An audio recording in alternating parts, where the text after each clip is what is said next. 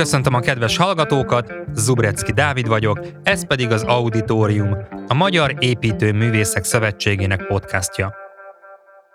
Ebben az évadban témánk a 150 éves Budapest lesz, amit igyekszünk a legkülönbözőbb irányokból bemutatni. Ennek megfelelően vendégünk lesz olyan várostervező, aki a fővárosi kabinetben dolgozik, és olyan építész is, aki kiemelt állami beruházások tervezője. Szó esik majd jelenről, múltról és jövőről, kertekről, parkokról, közlekedésről, meg persze jó pár házról is. 2024 koratavaszán tartsatok velünk Budapestre! Zsupán András újságíróval remekül lehet beszélgetni, számos podcastot készítettünk már közösen. Elképesztően tájékozott, és bármiről is legyen szó a várossal vagy az építészettel kapcsolatban, ő azonnal képben van. Ráadásul mindenről van tényekkel, érvekkel megtámasztott véleménye, ami ugyan általában igen kritikus, azt mégis szórakoztató formában tudja előadni. Ezúttal Budapest város szerkezetéről ültünk le beszélgetni. Először arról kérdeztem, mi is maradt, illetve valósult meg egyáltalán a 150 évvel ezelőtti álmokból, de nagyon gyorsan eljutottunk a rákos rendezői mini Dubajba, majd a haldokló belváros Airbnb apokalipszisán át a naplástó partjára. Ugye azt szokták mondani a budapesti városszerkezetről, hogy egy ilyen gyűrűs, küllős városszerkezet. Tulajdonképpen ugye, hogyha visszagondolunk arra, hogy hogy nézett ki a város az Egyesítés idejében, 1872-ben, hogy milyen városszerkezetet örökölt a dualizmus korszak, amiből ezt megépítette, akkor azt látjuk, hogy ennek a, a szisztémának az alapelemei Pesten készen voltak, mert rendelkezésre állt ugye a Kiskörút, ami az első, a legbelső gyűrűjét jelenti ennek, és amit ugye kijelölt a történelmi város, a városfal helye és a városfal mentén húzódó országút. Ugye itt is azért már megvan az első szabálytalanság, hogyha belegondolsz, mert ennek a, a gyűrűnek az utolsó eleme, a Deák Ferenc utca, ugye nem vált egy körút szakasszá. Ugye ez vezetett a hajóhídhoz, de a hajóhíd eltűnése miatt ugye ez kiesett, mint körút szakasz, és egy egyszerű belvárosi utcába vált, ettől ez a gyűrű befejezetlen marad. Ugye ez az első szabálytalanság, ezt már ugye így örökölte meg a, a Városegyesítés korszaka. A kiskörút ugye a, a, az egyik küllőben folytatódik, a Bajcsirinszki út, Váci út küllőjében. Talán körútnak is hívták egyébként. És Váci körút, emiatt hívták Váci körútnak is egy időben, noha semmiféle körút jellege ugye soha nem volt, ez egy nyílegyenes sugárút, ami kivezet a városból. De ugye még próbálták benne ezt a fajta történelmi hagyományt ez elnevezésben egy darabig folytatni. A küllők pedig ugye azok az országutak voltak, amelyek kivezettek a városból a meghatározó irányokba, ugye ilyen volt az említett Bajcsirinszki út, Váci út, ugye, ami Vác felé vezetett ki, ilyen volt a Kerepesi országút, ami ugye az Alföld, Tisza felé vezetett Szolnok irányába. Ilyen volt ugye az Üllői út, amelyik a Délalföld irányába ment, a Soroksári út, amelyik a Duna mentén Soroksár Baja felé tartott. Tehát ugye ezek adták ki ezt a pesti ősváros szerkezetet. És ugye az volt a nagy gondolat a városegyesítés után, hogy ezt olyan módon építik tovább, hogy újabb gyűrűket, tehát a küllők adottak, azok ugye kimennek a, a világ végéig gyakorlatilag, ugye ezek a világ végéig kivezető útjai Pestnek máig ugye ilyenek, és akkor húzzunk erre rá újabb és újabb gyűrűket. Ugye már ott az egy fontos dolog, hogy Budán ez a szisztéma ez felismerhetetlen volt eredetileg, tehát Buda városszegete teljesen más, azt ugye a domborzat szabta meg, a völgyek, dombok. Ott is voltak persze kivezető utak, tehát a Bécsi országút ugye az, az egyfajta küldőként jelen volt, de, de nem lehetett benne ezt a szisztémát felismerni, de a, a dualizmus korszaka ugye a maga hát ilyen nagy mérnöki ambíciójával megpróbálja ezt a gyűrűs küllős még Budára is ráhúzni, és meg, és meg is csinál. Tulajdonképpen az első gyűrű az, az, amit a maga teljességében meg tud építeni. Ez ugye a nagykörút, amelynek volt egy városszerkezeti előzménye, ugye egy később kiszáradó Dunák formájában, de azért ebben a formájában ez nem létezett. Bizonyos darabjai megvoltak, tehát az északi szakasza a Szent István körút helyén volt egy töltés, ami körülbelül ebben a nyomvonalban vezetett, de a belső szakaszai, tehát a József körút, Erzsébet körút, ezek gyakorlatilag nem léteztek. És ez tulajdonképpen az első világháború kitörésére, tehát a korszaknak a végére faltól falig, Dunától Dunáig meg tudják építeni, Északon elkészül az átvezetés a Dunán, a Margit híd formában már korán, tehát ez ugye ez 1970-es években megépülő híd, de a déli az ugye nem készül el, azt a Horti korszak, a Petőfi híd, eredeti Horti híd formájában ugye fejezi be, és ezzel délen is átvezeti ezt a gyűrű szerkezetet Dél-Budára, ahol egyébként ugye Alföld van, ugye Kelenföld, ezért az adottságok alkalmasak is arra, hogy ezt tovább vigyék, és ugye újabb gyűrű formájában ugye elviszik ezt két pontra is, tudjuk, hogy a mai Móricz Zsigmond körtér, a másik pedig ugye az Új Buda Központnak hívott része Fehérvári út találkozásánál. Ugye Fehérvári út is egy ilyen küllő egyébként. De ugye Észak-Budán, ahogy a Margit híd után átér ez a szisztéma, azonnal beleütközik a Rózsadomb lábába, és ettől ugye ez a nagyon érdekes helyzet alakul ki, hogy a Margit körút az egy, az egy ilyen fura körút, érezzük benne a nagy körútat, de valami, vagy mégis identitászavaros. Ennek az az oka, ugye, hogy nem úgy viselkedik, mint egy rendes körút, hanem kerülgeti a domb lábát. Összeszűkül például, jóval keskenyebb is emiatt, mert nincs elég hely, és valahogy így elvergődik a Szélkálmán térig, ahol végképp utat veszt, és nem lehet tudni, hogy hogy folytatódik tovább. Ugye vannak ilyen Budán körútnak hívott dolgok, Krisztina körút, Attila körút, de azért mindannyian érezzük, akik pestiek vagyunk, hogy ez, hát ez gáz, tehát ez, ugye ez nem az a körút színvonal, amit megszoktunk. Körút. Igen, hát ez egy ilyen budai körút. Tehát valójában Budán ugye a természeti adottságok soha nem engedik meg egészen ennek a befejezését. Ugye nagyon ilyen szempontból szimptomatikus, hogy a, körú, a nagy körút ugye összeforra 4-es 6-os villamos fogalmával Európának ugye a legforgalmasabb villamos vonala, és hát hol jár a 4-es 6-os. Tehát ugye az világos, hogy jár a Szélkálmán ugye odáig még körút, oké, a Margit körútat elfogadjuk olyan B-tervnek, de mégiscsak körútnak, de onnantól tovább ugye nem jár. Dél-Budán is meg ugye így ketté ágazik el, egyik végállomás ugye a Móricon van, a másik Új Buda központnál, valami furcsokból nem megy tovább a Bocskai úton, pedig az elég körútszerű. Tehát így el ebben a budai változatos földrajzi világban ez a szigorú gyűrűs küllős városszerkezet már nem tud megfelelően kibontakozni, inkább csak elemei vannak meg. És akkor ugye innentől egy picit elveszünk, mert mik a következő gyűrűk? Ilyen gyűrű darabokat látunk. Tehát látunk egy gyűrű darabot, amit ugye világosan kirajzol Délpesten a Haller út, Orci út, Fiumei útvonala, ez ugye egyértelműen létezik. De aztán ugye betorkollik a keleti pöldverölti térbe, onnan a Rottenbiller utcaként megy tovább, és a Rottenbiller utca az úgy belefullad Erzsébet városnak a, a bérházas világába. Egyszer csak úgy el, eltűnik. Egy darabig még van, aztán úgy nincs. Nem vezeti át. Pedig ugye ez egy fontos, valaha egy fontos városszerkezet, még ezt is örökli a dualizmus kor, mert ugye itt volt a városároknak nevezett külső közigazgatási vonal a Rottenbiller utcánál. Aztán ugye van egyel kijebb még egy kör, az már egészen nagy körgyűrűszer, ugye ez a Hungária könyves Kálmán körút gyűrű, de ez ugye rendkívül nehezen épül föl.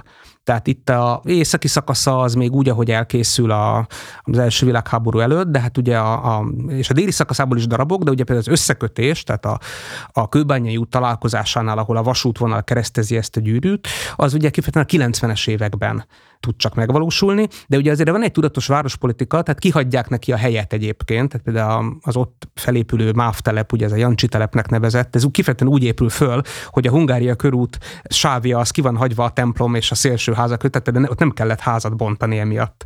Tehát számol a, a városépítés azzal, hogy ez a körút egyszer majd bezárul, de nehezen zárul be, ugye a 90-es években készül el a Dunai átvezetése délen a Lágymányosi híddal, az északi ugye az Árpád híd az jóval hamarabb, az ugye megindul az építés építése még a második világháború előtt, és aztán az 50-es években a, ugye a sztalinizmus korszakában készül el, és itt ugye ez be is tud kötődni ez a gyűrű az egyik ilyen fontos budai küllőbe, amit ugye a Bécsi út, Vörösvári út vonala jelöl ki, ugye ez a régi Bécsi országút. De innen aztán végképp elveszünk. Tehát utána Pesten maradnak ilyen befejezetlen projektek, Nagy Lajos király útja, ugye Fehér út, de hát az ugye hova torkollik a semmibe, az éles saroknak a, a falába beleütközik.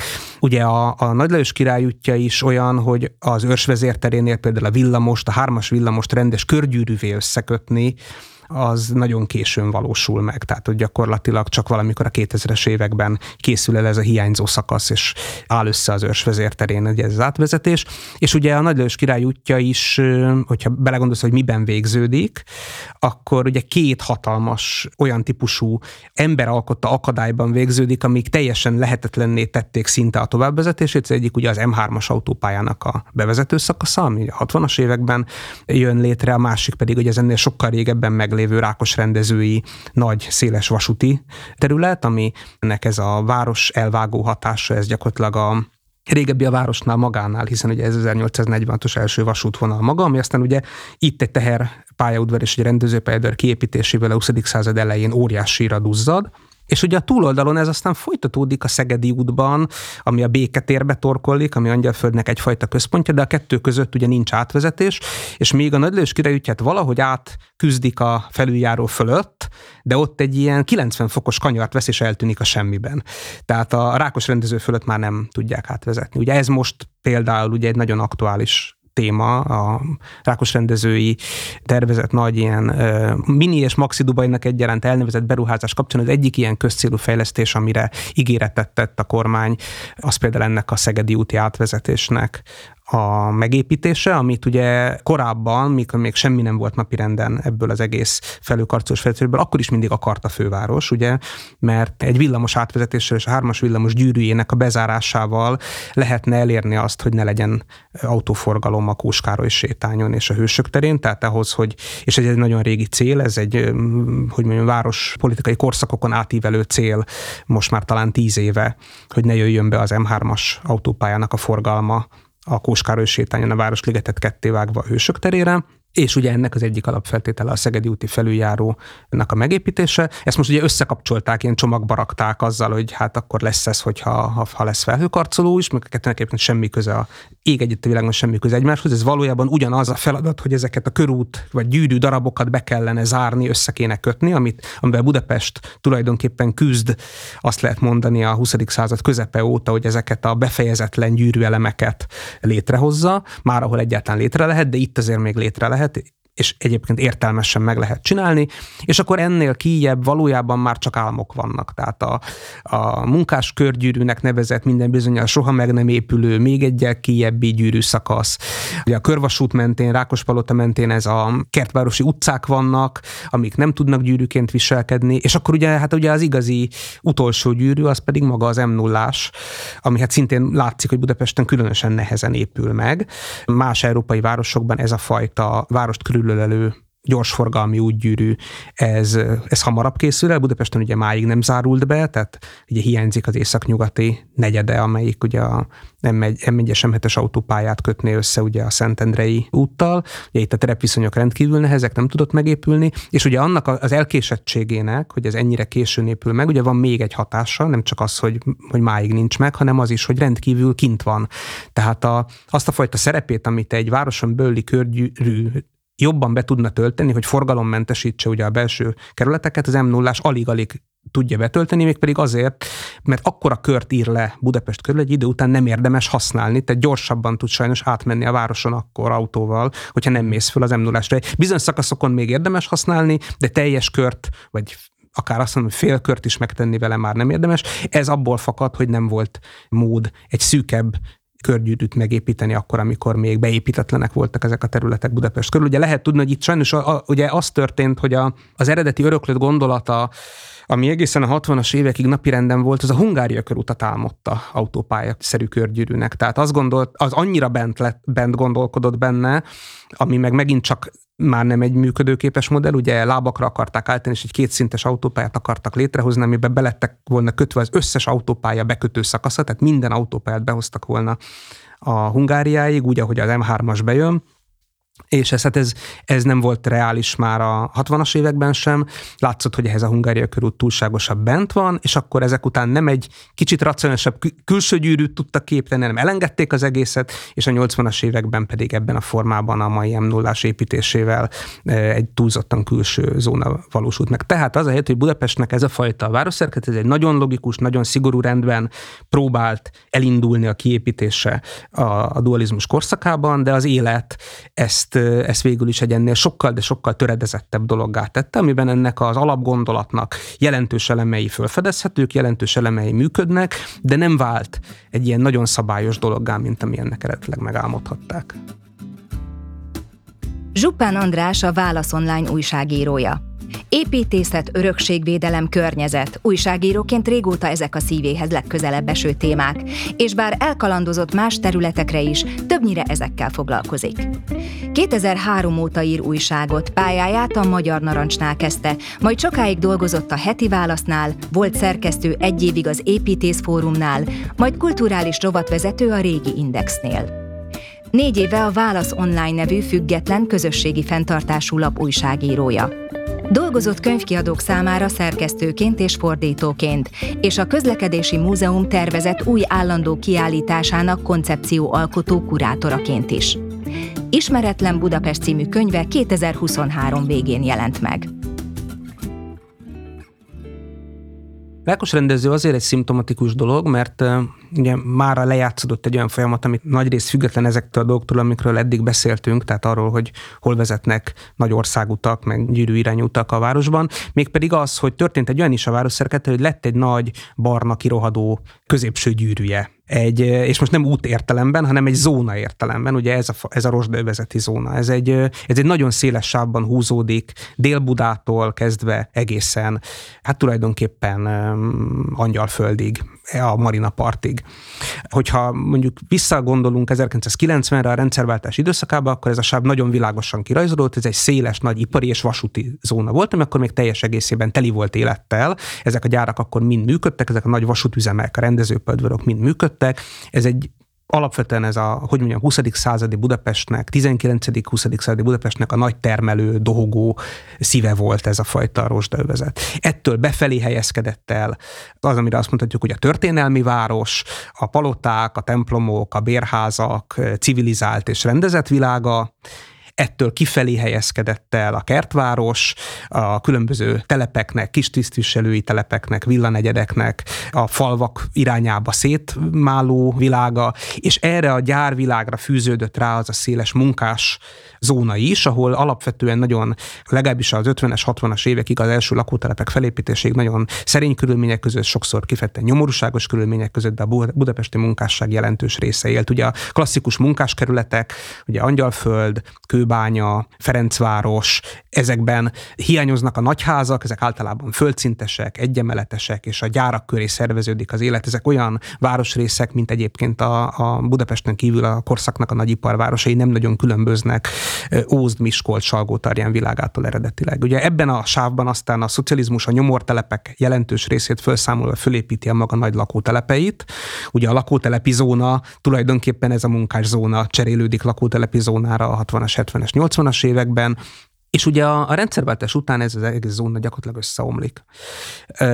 Az ipar nagy része megszűnik, és a, még a vasúti funkciók is a töredékére zsugorodnak. Itt ez pont Rákos rendező esetében nagyon jól látható, hogy ugye két nagy rendezőpályaudvart tart el a 90-es évek elejéig Budapest, Ferencvárost és Rákos rendezőt, a Pesti oldalon, mert Kelemföldnek is van ilyen funkciója Budán annak idején, de a Pesti oldalon ezt a kettőt, és ebből gyakorlatilag azt mondom, 1996 tájékára már csak Ferencváros működik, és ez máig így van. A Rákos rendező nevében rendezőpályaudvar, de megszűnik rendezőpályaudvarként működni a, a egy részben egyébként nem csak a vasúti össz, a, a hazai iparnak a leépülése miatt, hanem azért is, mert Rákos rendező volt a legfontosabb rendező például a KGST-n belüli nemzetközi vasúti forgalomban. Tehát a, keleti KGST országokból, Bulgáriából, Romániából, Kelet-Magyarországról érkező nyersanyagot és árút ezen a pályaudvaron fordították át Észak és Nyugat, Csehszlovákia és NDK irányába, és viszont onnan az árukat, ugye ezek jobb, uh-huh jobban árutermelő országok, fordították át ugye a keleti irányba. Tehát ez volt valójában Rákos rendezőnek a, a, a KGST korszakban a funkciója. Ez egy csapásra teljesen fölöslegessé vált abban a pillanatban, amikor ugye ez megszűnik ez a, a, ez a gazdasági blokk. És akkor itt maradnak ezek a nagy üres területek, alulhasznosítottan, romokkal teli, és ilyen, hogy mondjam, a, sokszor értékes ipari épületekkel, de nagyon sok értéktelennel, a város kellős közepén, és ugye pont abból, amit ugye próbáltam mondani, hogy úgy épül föl, hogy már a, már a második világháború előtt ettől a város, ettől a Rosdövezőnától sokkal elmegy kifelé is, tehát ugye van egy széles kertvárosi övezet már, ami létrejön Budapest határain belül, vagy a Nagy Budapest létrehozása után, ez ugye Budapesthez csatolódik. És azóta még tovább nő ugye az agglomeráció terjeszkedésével, korábban felmérhetetlen irányokba, tehát minden, minden irányban azt lehet mondani 30-40 kilométerre a mai város határtól. Ezért tulajdonképpen az történik, hogy ez itt marad, ez a kifli ez a rohadó kifli a város kellős közepén, és tulajdonképpen rá van bízva a termé, miközben minden, minden városépítési korszak, minden várospolitikai szereplő mindig elmondja, hogy hát Budapestnek nagyon fontos aranytartaléka, ez ezt kell fejleszteni, ide kell koncentrálni ugye az új építkezéseket, és ezzel lehet megakadályozni a város amerikai típusú szétterülését, amit hátrányos folyamatként azonosít mindenki, tehát azt, hogy az emberek ugye elhagyják Budapestet, és az agglomerációba költöznek egyre nagyobb számban, de érdemben tulajdonképpen ez csak annyiban történik meg, amennyire a magántőke ebben fantáziát lát, lát bizonyos területein fantáziát, ahol ugye a legjobbak az adottságok és a legkevesebb beruházással kell végrehajtani ezt a teljes váltást. Ugye ilyen az angyalföldi zóna, ahol mindkettőre területen például, tehát a nagyipar terület helyén egy nagy sűrűségi új, gyakorlatilag lakótelepszerű beépítésre a Marina Part és kapcsolt részeinél, meg arra is találunk példát, hogy az egykori munkás utcák, szerény házait fokozatosan váltják föl nagyobb társasházak, ugye Angyalföldnek a Leheltértől kifele egészen az újpesti határig húzódó zónában, ez máig zajló folyamat. Tehát itt ez nagyjából megtörténik, anélkül, hogy, hogy kellene bármiféle érdemi közberuházás hozzá. Megtörténik a dél-budai oldalon is mostanában, tehát az elmúlt tíz évben, és ez egy abszolút befejezetlen folyamat, aminek még legalább egy, egy évtized kell, hogy végigmenjen, de a Szerémi út, Budafoki út zónájában, illetve ugye a Budapart építésével a volt nádorkerti területen a Kopaszigát mellett, tehát itt a tőke ezeket végrehajtja, de vannak olyan, és ugye mitől vonzók ezek a zónák? Attól vonzók, hogy ott vannak a Dunaparton, ugye láthatólag ez fűti a Marinapart és a Budapart fölépítését, attól jók, hogy jó a tömegközlekedési ellátottsága, tehát mind a 11. kerületnek, mind a 13. kerületnek kifejezetten jók a tömegközlekedési kapcsolatai, és ezért a tőke itt el tudja adni a lakást, mert ezek alapvetően lakás célú fejlesztések. ahol nem tudja eladni a lakást, mert nem olyan vonzó a környezet, nem olyan jók a tömegközlekedési kapcsolatok, vagy a területnek a kármentesítése nagy beavatkozást igényel, ott ez az egész ez nem tud megindulni, ez a folyamat. Ilyen például a Rákos rendező, de ilyen Kőbányának a nagy része, ilyen a volt gázgyári terület Óbudán, ilyen Ferencvárosnak szintén jelentéseit is lehetne említeni még a szerintem rossz példák között, de a nagy folyamatot tekintve ugyanebbe a körbe illeszkedik a Vágóhíd helyén fölépülő, rendkívül túlépített és értékeket elpusztító épület együttes, de mi ugyanezt a folyamatot. Tulajdonképpen abban is látja már a fantáziát, a tőke, tetszik neki, mert ott a hív, ott van ugye a Könyves Kálmán körúti villamos gyűrű, stb. jól megközelíthető. Most Rákos rendező ugye nem ilyen, ugyanakkor egy óriási terület, és valahol törvényszerű, hogy, hogy végső soron, mikor az állam úgy dönt, hogy idehoz egy ilyen nagy léptékű fejlesztést, akkor, akkor erre próbálja ráirányítani. Ugye gyakorlatilag száz százalékban állami, mert ugye vasúti volt vasúti területről beszélünk, itt az, megnéztem a számokat, és talán valami 0,6 százalék az egyetlen, egyetlen egy darab telek van magántulajdonban az egészből, egy ital nagy kereskedés. Az majd érdekesen fogja érezni magát, de hát nyilván azt majd kivásárolják. Tehát, tehát gyakorlatilag az egész, az egész egy vasúti terület, egy állami terület, amit egyben oda tud adni, és tud rajta építeni valami nagyon nagy szabásút. Ugye nagyon keveset tudunk arról, hogy mi, mi az, amit akar vele csinálni, de hát ugye az a, a jelek arra mutatnak, hogy túlzottan nagyszabásút akar, valami olyasmit akar, ami még azoknál az egyébként általam túlépítettnek nevezett és nem igazán sikerült beépítéseknek is, mint a, mondjuk a Marina vagy a Vágóhíd, vagy akár én a Budapart nagy részét is ilyennek tartom, de azoknál is nagyságrendekkel sűrűbb és nagyobb és hatalmasabb dolgot akar. Na most ez, ez olyan ö, változtatásokat indít juthat el Budapestnek a, a szerkezetében, amik felmérhetetlen súlyúak. Nem egyszerűen arról van szó, hogy felhőkarcolóról beszélünk, hogy felhőkarcolókról beszélünk. Ez is egy fontos dolog, mert ugye a város sziluett, a város identitás szempontjából meghatározó kérdés. Én nem hiszek abban a narratívában, amelyik egyébként, egyébként sok építész is képviselők persze szeretnek építeni, hogy hát, hogy 260 méteres épületeket is be lehet úgy illeszteni a városszövetbe, hogy az ember léptők és humánus maradjon. Én szerintem ez, ez egy illúzió, tehát ez nem nem, én nem gondolom, hogy ez... Tehát van egy, Leon Crira, egy neves és tradicionalista amerikai urbanista, egyszerűen úgy fogalmazta meg, és én ezzel mélyen egyetértek, hogy felhőkarcolót építeni immorális dolog. Ő soha nem vesz részt olyan fejlesztésben, ahol, a, ahol felhőkarcoló megjelenik a, a színen, mert azt mondja, hogy ez erkölcstelen. Én nagyjából ugyanezt gondolom erről, Európában mindenképpen. De nem csak erről van szó, hanem arról is van szó, hogy 30-40-50 ezer lakás elhelyezése ezen a területen, az ezzel járó, ezzel által generált elképesztő forgalom növekedés, az, hogy nem tudjuk, hogy ez a kialakuló városszövet ami bizonyára nagyon sűrű lesz, hogy ez tartósan mennyire élhető. Hogy az mikor friss és, és újonnan átadott, akkor bizony, akkor vonzó lehet, de nem tudjuk, hogy vonzónak fogják-e mondjuk az emberek tartani 30-40 év múlva, és amiből a jelek szerint hiányozni fog mondjuk az, amit minden kutatás szerint az emberek élhetőségi kritériumként fontosnak tartanak, tehát egy nagy kiterjedésű, természetközeli zöld területnek a jelenléte, jó tömegközlekedési kapcsolatok, kulturális funkció. Nem tudjuk, hogy mennyire lesz élhető az utca szerkezete. Biztos, hogy nem lesz megfelelő tömegközlekedési ellátottsága, mert ebben a ilyen léptékűre egyszerűen nem lehet kialakítani. Az a nagyon kevés, ami elhangzott, az rémisztő. Tehát a azt, hogy ennek a, a városrésznek a tömegközlekedési kiszolgálását azt a millenniumi föld alatti meghosszabbításával szeretnék megoldani, ami hát egy, egy, egy 1896-ban fölépített bájos kis ékszerdobozszerű föld alatti villamos, és akkor hát ilyenek hangzanak el érvként, hogy majd az lesz erre a megoldás, hogy egyterű kocsikat vásárolunk valahonnan, és akkor az 30%-kal megnöveli a befogadó képességét. De hát ez, szóval ennek körülbelül olyan a realitása, mint hogyha egy, egy kedves polgári nagymamát a lábára kötött vasgolyóval és szteroidokkal telenyomva futóversenyen indítanánk. Tehát ez egy teljes, ez egy teljes képtelenség, hogy ez működjön.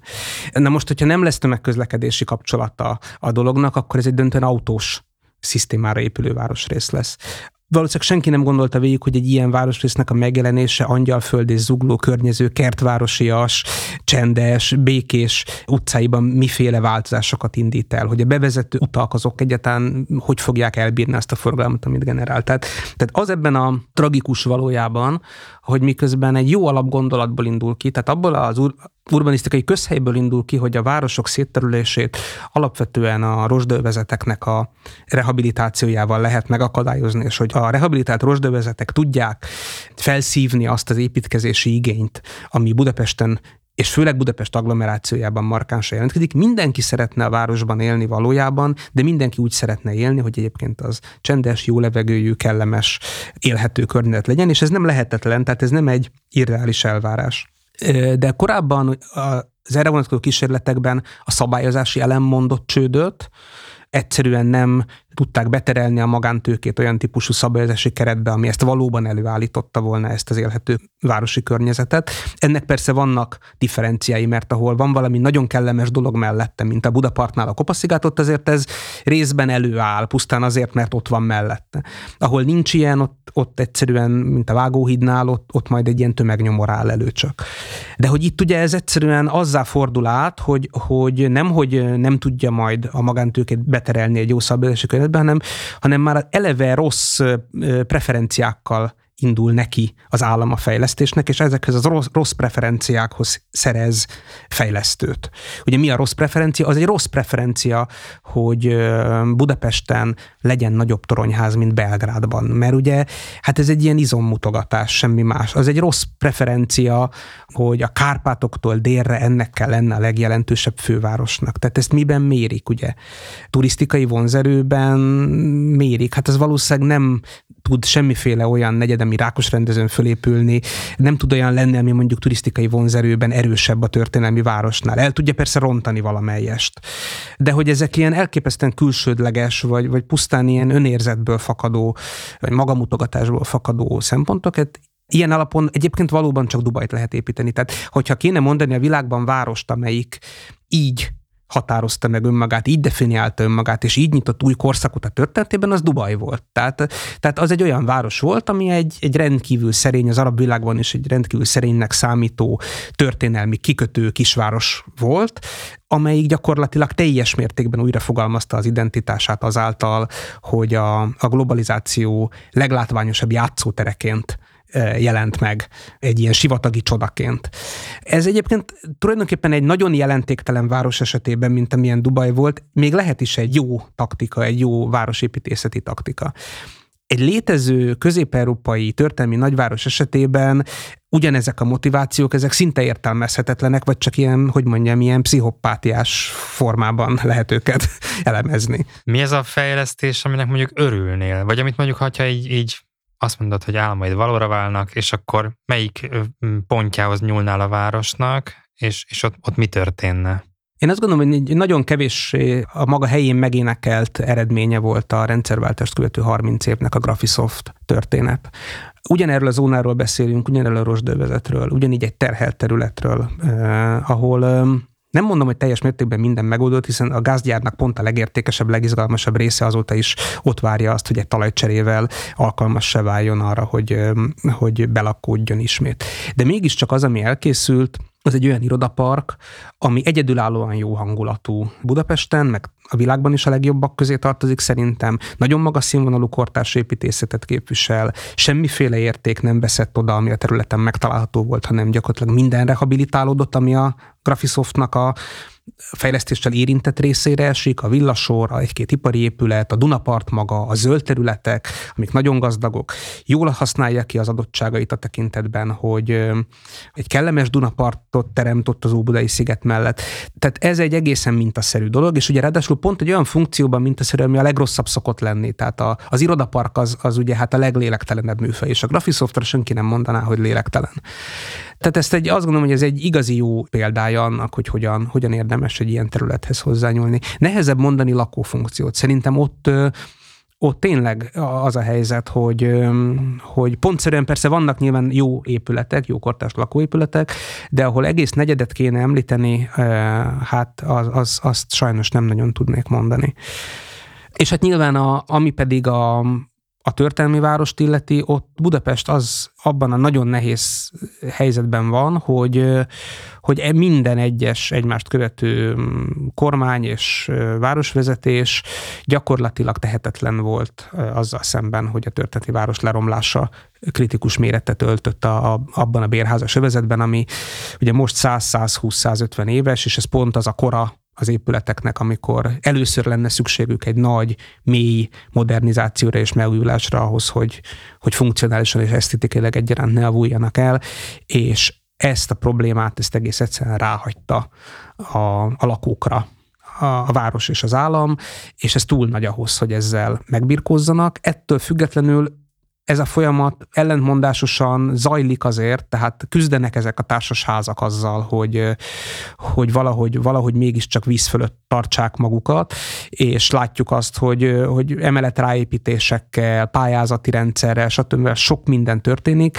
de nagyon lassan, nagyon elhúzódóan, nagyon kis darabokban, és, és közben mire ez a folyamat ez úgy elér a 6., 7., 8., 9. kerületben egy bizonyos olyan szintet már, hogy átforduljon, és ismét egy, egy vonzó lakókörnyezet alakulhasson ki. Közben sajnos előbb ért el az a fajta kiürülési folyamat ezekben a negyedekben, amik a, a világ összes történelmi belvárosát jellemzik, hogy, hogy egyszerűen elhagyja a lakosságuk őket, és egy ilyen fura Airbnb, rövid és hosszú távú bérlet, iroda, de ezekben a negyedekben egyszerűen a bentlakó tulajdonosi réteg az egyre gyérebb. Tehát ennek van egy egészen extrém példája, nem tudom, hogy hányan ismerik az Oktogonnak azt az épületét, amelyik a Terészkörút Andrássy út kereszteződésben, hát a, úgy, fognak az északnyugati sarkot jelenti, ez úgy néz ki, mintha egy ház lenne, de hogyha bemegyünk, akkor lelepleződik a valóság, hogy ez egy menedzseletlen hostel. Az egész. Benne kettő darab lakóval, akik régről ott maradtak, és akik hát egy ilyen apokaliptikus káoszban élhetik mindennapjaikat, egy olyan hostelben, ahol még a falakat sem festik ki senki soha, tehát azok is graffitivel vannak teli, és áll a lépcsőn a szemét, és, és gyakorlatilag bekövetkezett az az állapot, amikor nincs lakó többé.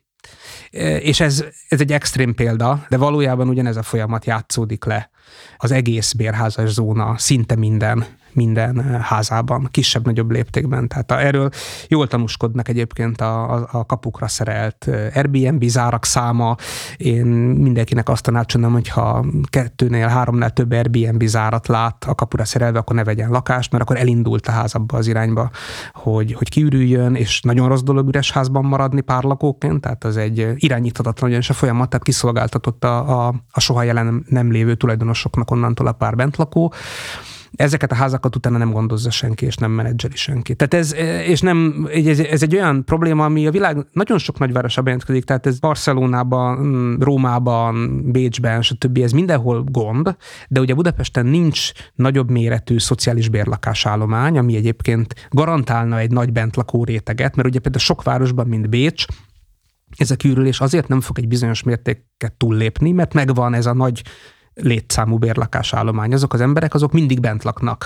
Nálunk ugye ez teljesen rendszerváltás után felszámolt, hogy az önkormányzatok több hullámban, de gyakorlatilag százszerzelékben értékesítették a, a lakásállományukat és nem fékezi a szabályozási környezet sem hatékonyan ezt a folyamatot. Tehát ez valójában nagyon-nagyon megkérdőjelezi ennek a történelmi belvárosnak a, a fenntarthatóságát a következő, nem tudom, 50-60 évben. Ugye még egy emblematikus példáját lehetne ennek említeni, és ez az ötödik kerületi vásárcsarnoknak az ügye, ami ugye egyike volt a 1880-as években a piacok kiváltására megépített kerületi vásárcsarnoknak, ugye ilyen vásárcsarnokok épültek a Klauzál téren ugye a hetedik kerületnek, a Hunyadik téren a hatodik kerületnek, a Rákóczi téren a nyolcadik kerületnek, a nagyvásárcsarnokot kapta a kilencedik kerület, és ugye a Buda második kerület kapta a Battyányi téri csarnokot. Az ötödik kerületben ugye az ottani vásárcsarnok az első, amelyik ezek közül teljes mértékben megszűnt. Egy darabig még kísérleteztek azzal, hogy egy ilyen luxuspiac formájában kiszolgálja a turizmus, de a turizmus se talált oda, és jelenleg ilyen fénymúzeum van benne. Tehát, tehát ez mutatja, hogy az ötödik kelet elérte a kerülésnek azt a szintjét, ahol nincs többé szükség zöldségre, mert nincs senki, aki megegye. Hú, ez egy nagyon szomorú végszó lenne.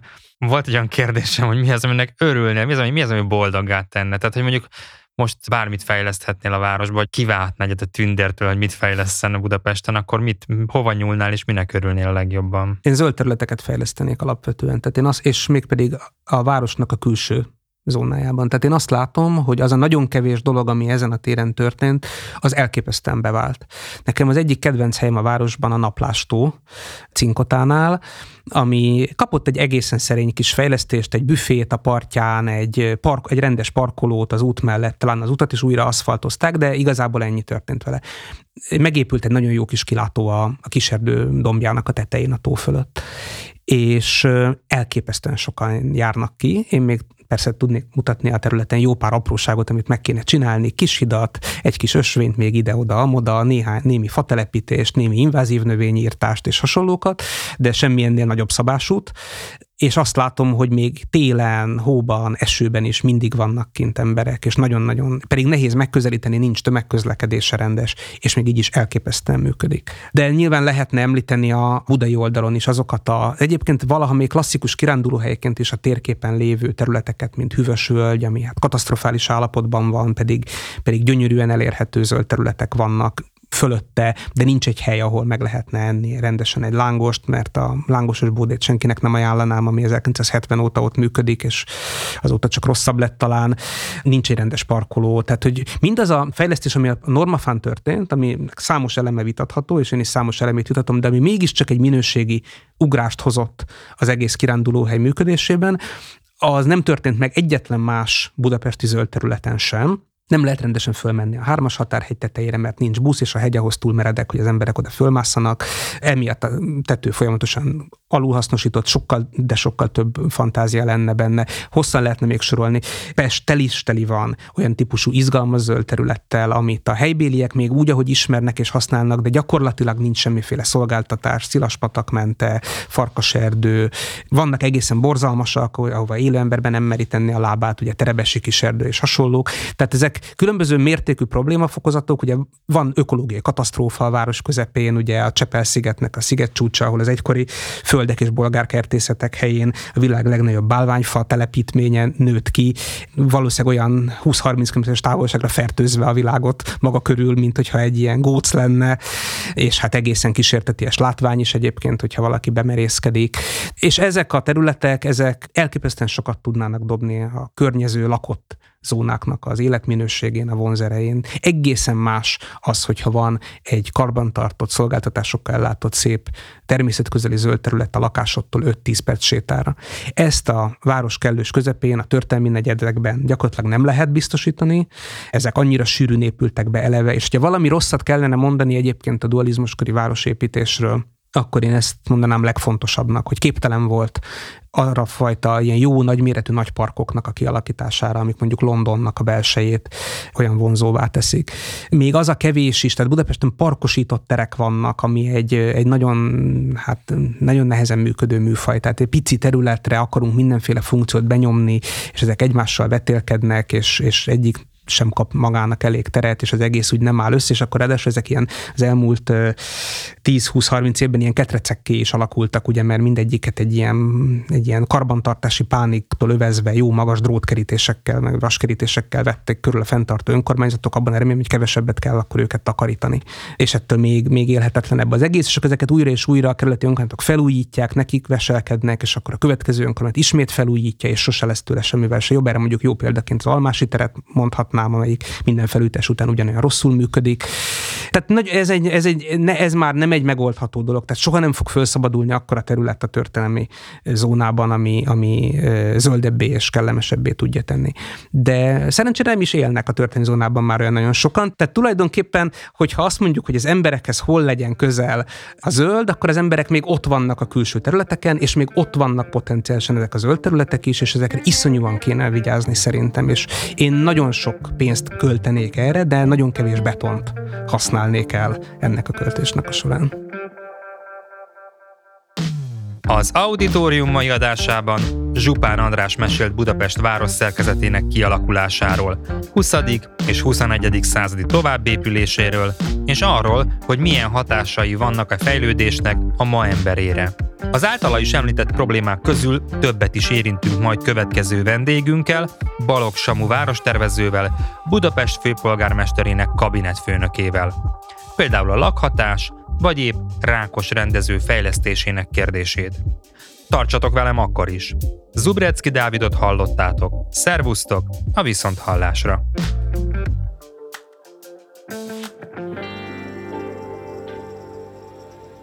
Ez volt az Auditorium, a Magyar Építőművészek Szövetségének, a Mésznek a podcastja. A Magyar Építőművészek Szövetségének meggyőződése, hogy az építészetnek fontos szerep jut az ökológiai problémák megoldásában. A házak, terek, települések tervezőinek nem csak alkalmazkodniuk kell a változó környezethez, de aktívan részt is kell vállalniuk annak alakításában. A 21. század építészeinek olyan szempontokat is figyelembe kell vennie tervezés közben, amilyeneket elődjeinek soha nem kellett Erről pedig nem csak a szakmán belül kell beszélni, hiszen a megváltozott feltételeket a felhasználóknak, a megrendelőknek is ismernie kell. Szerkesztő műsorvezető Zubrecki Dávid, kreatív producer Pentelényi Kovács Tímea, narrátor Zsigmond Tamara,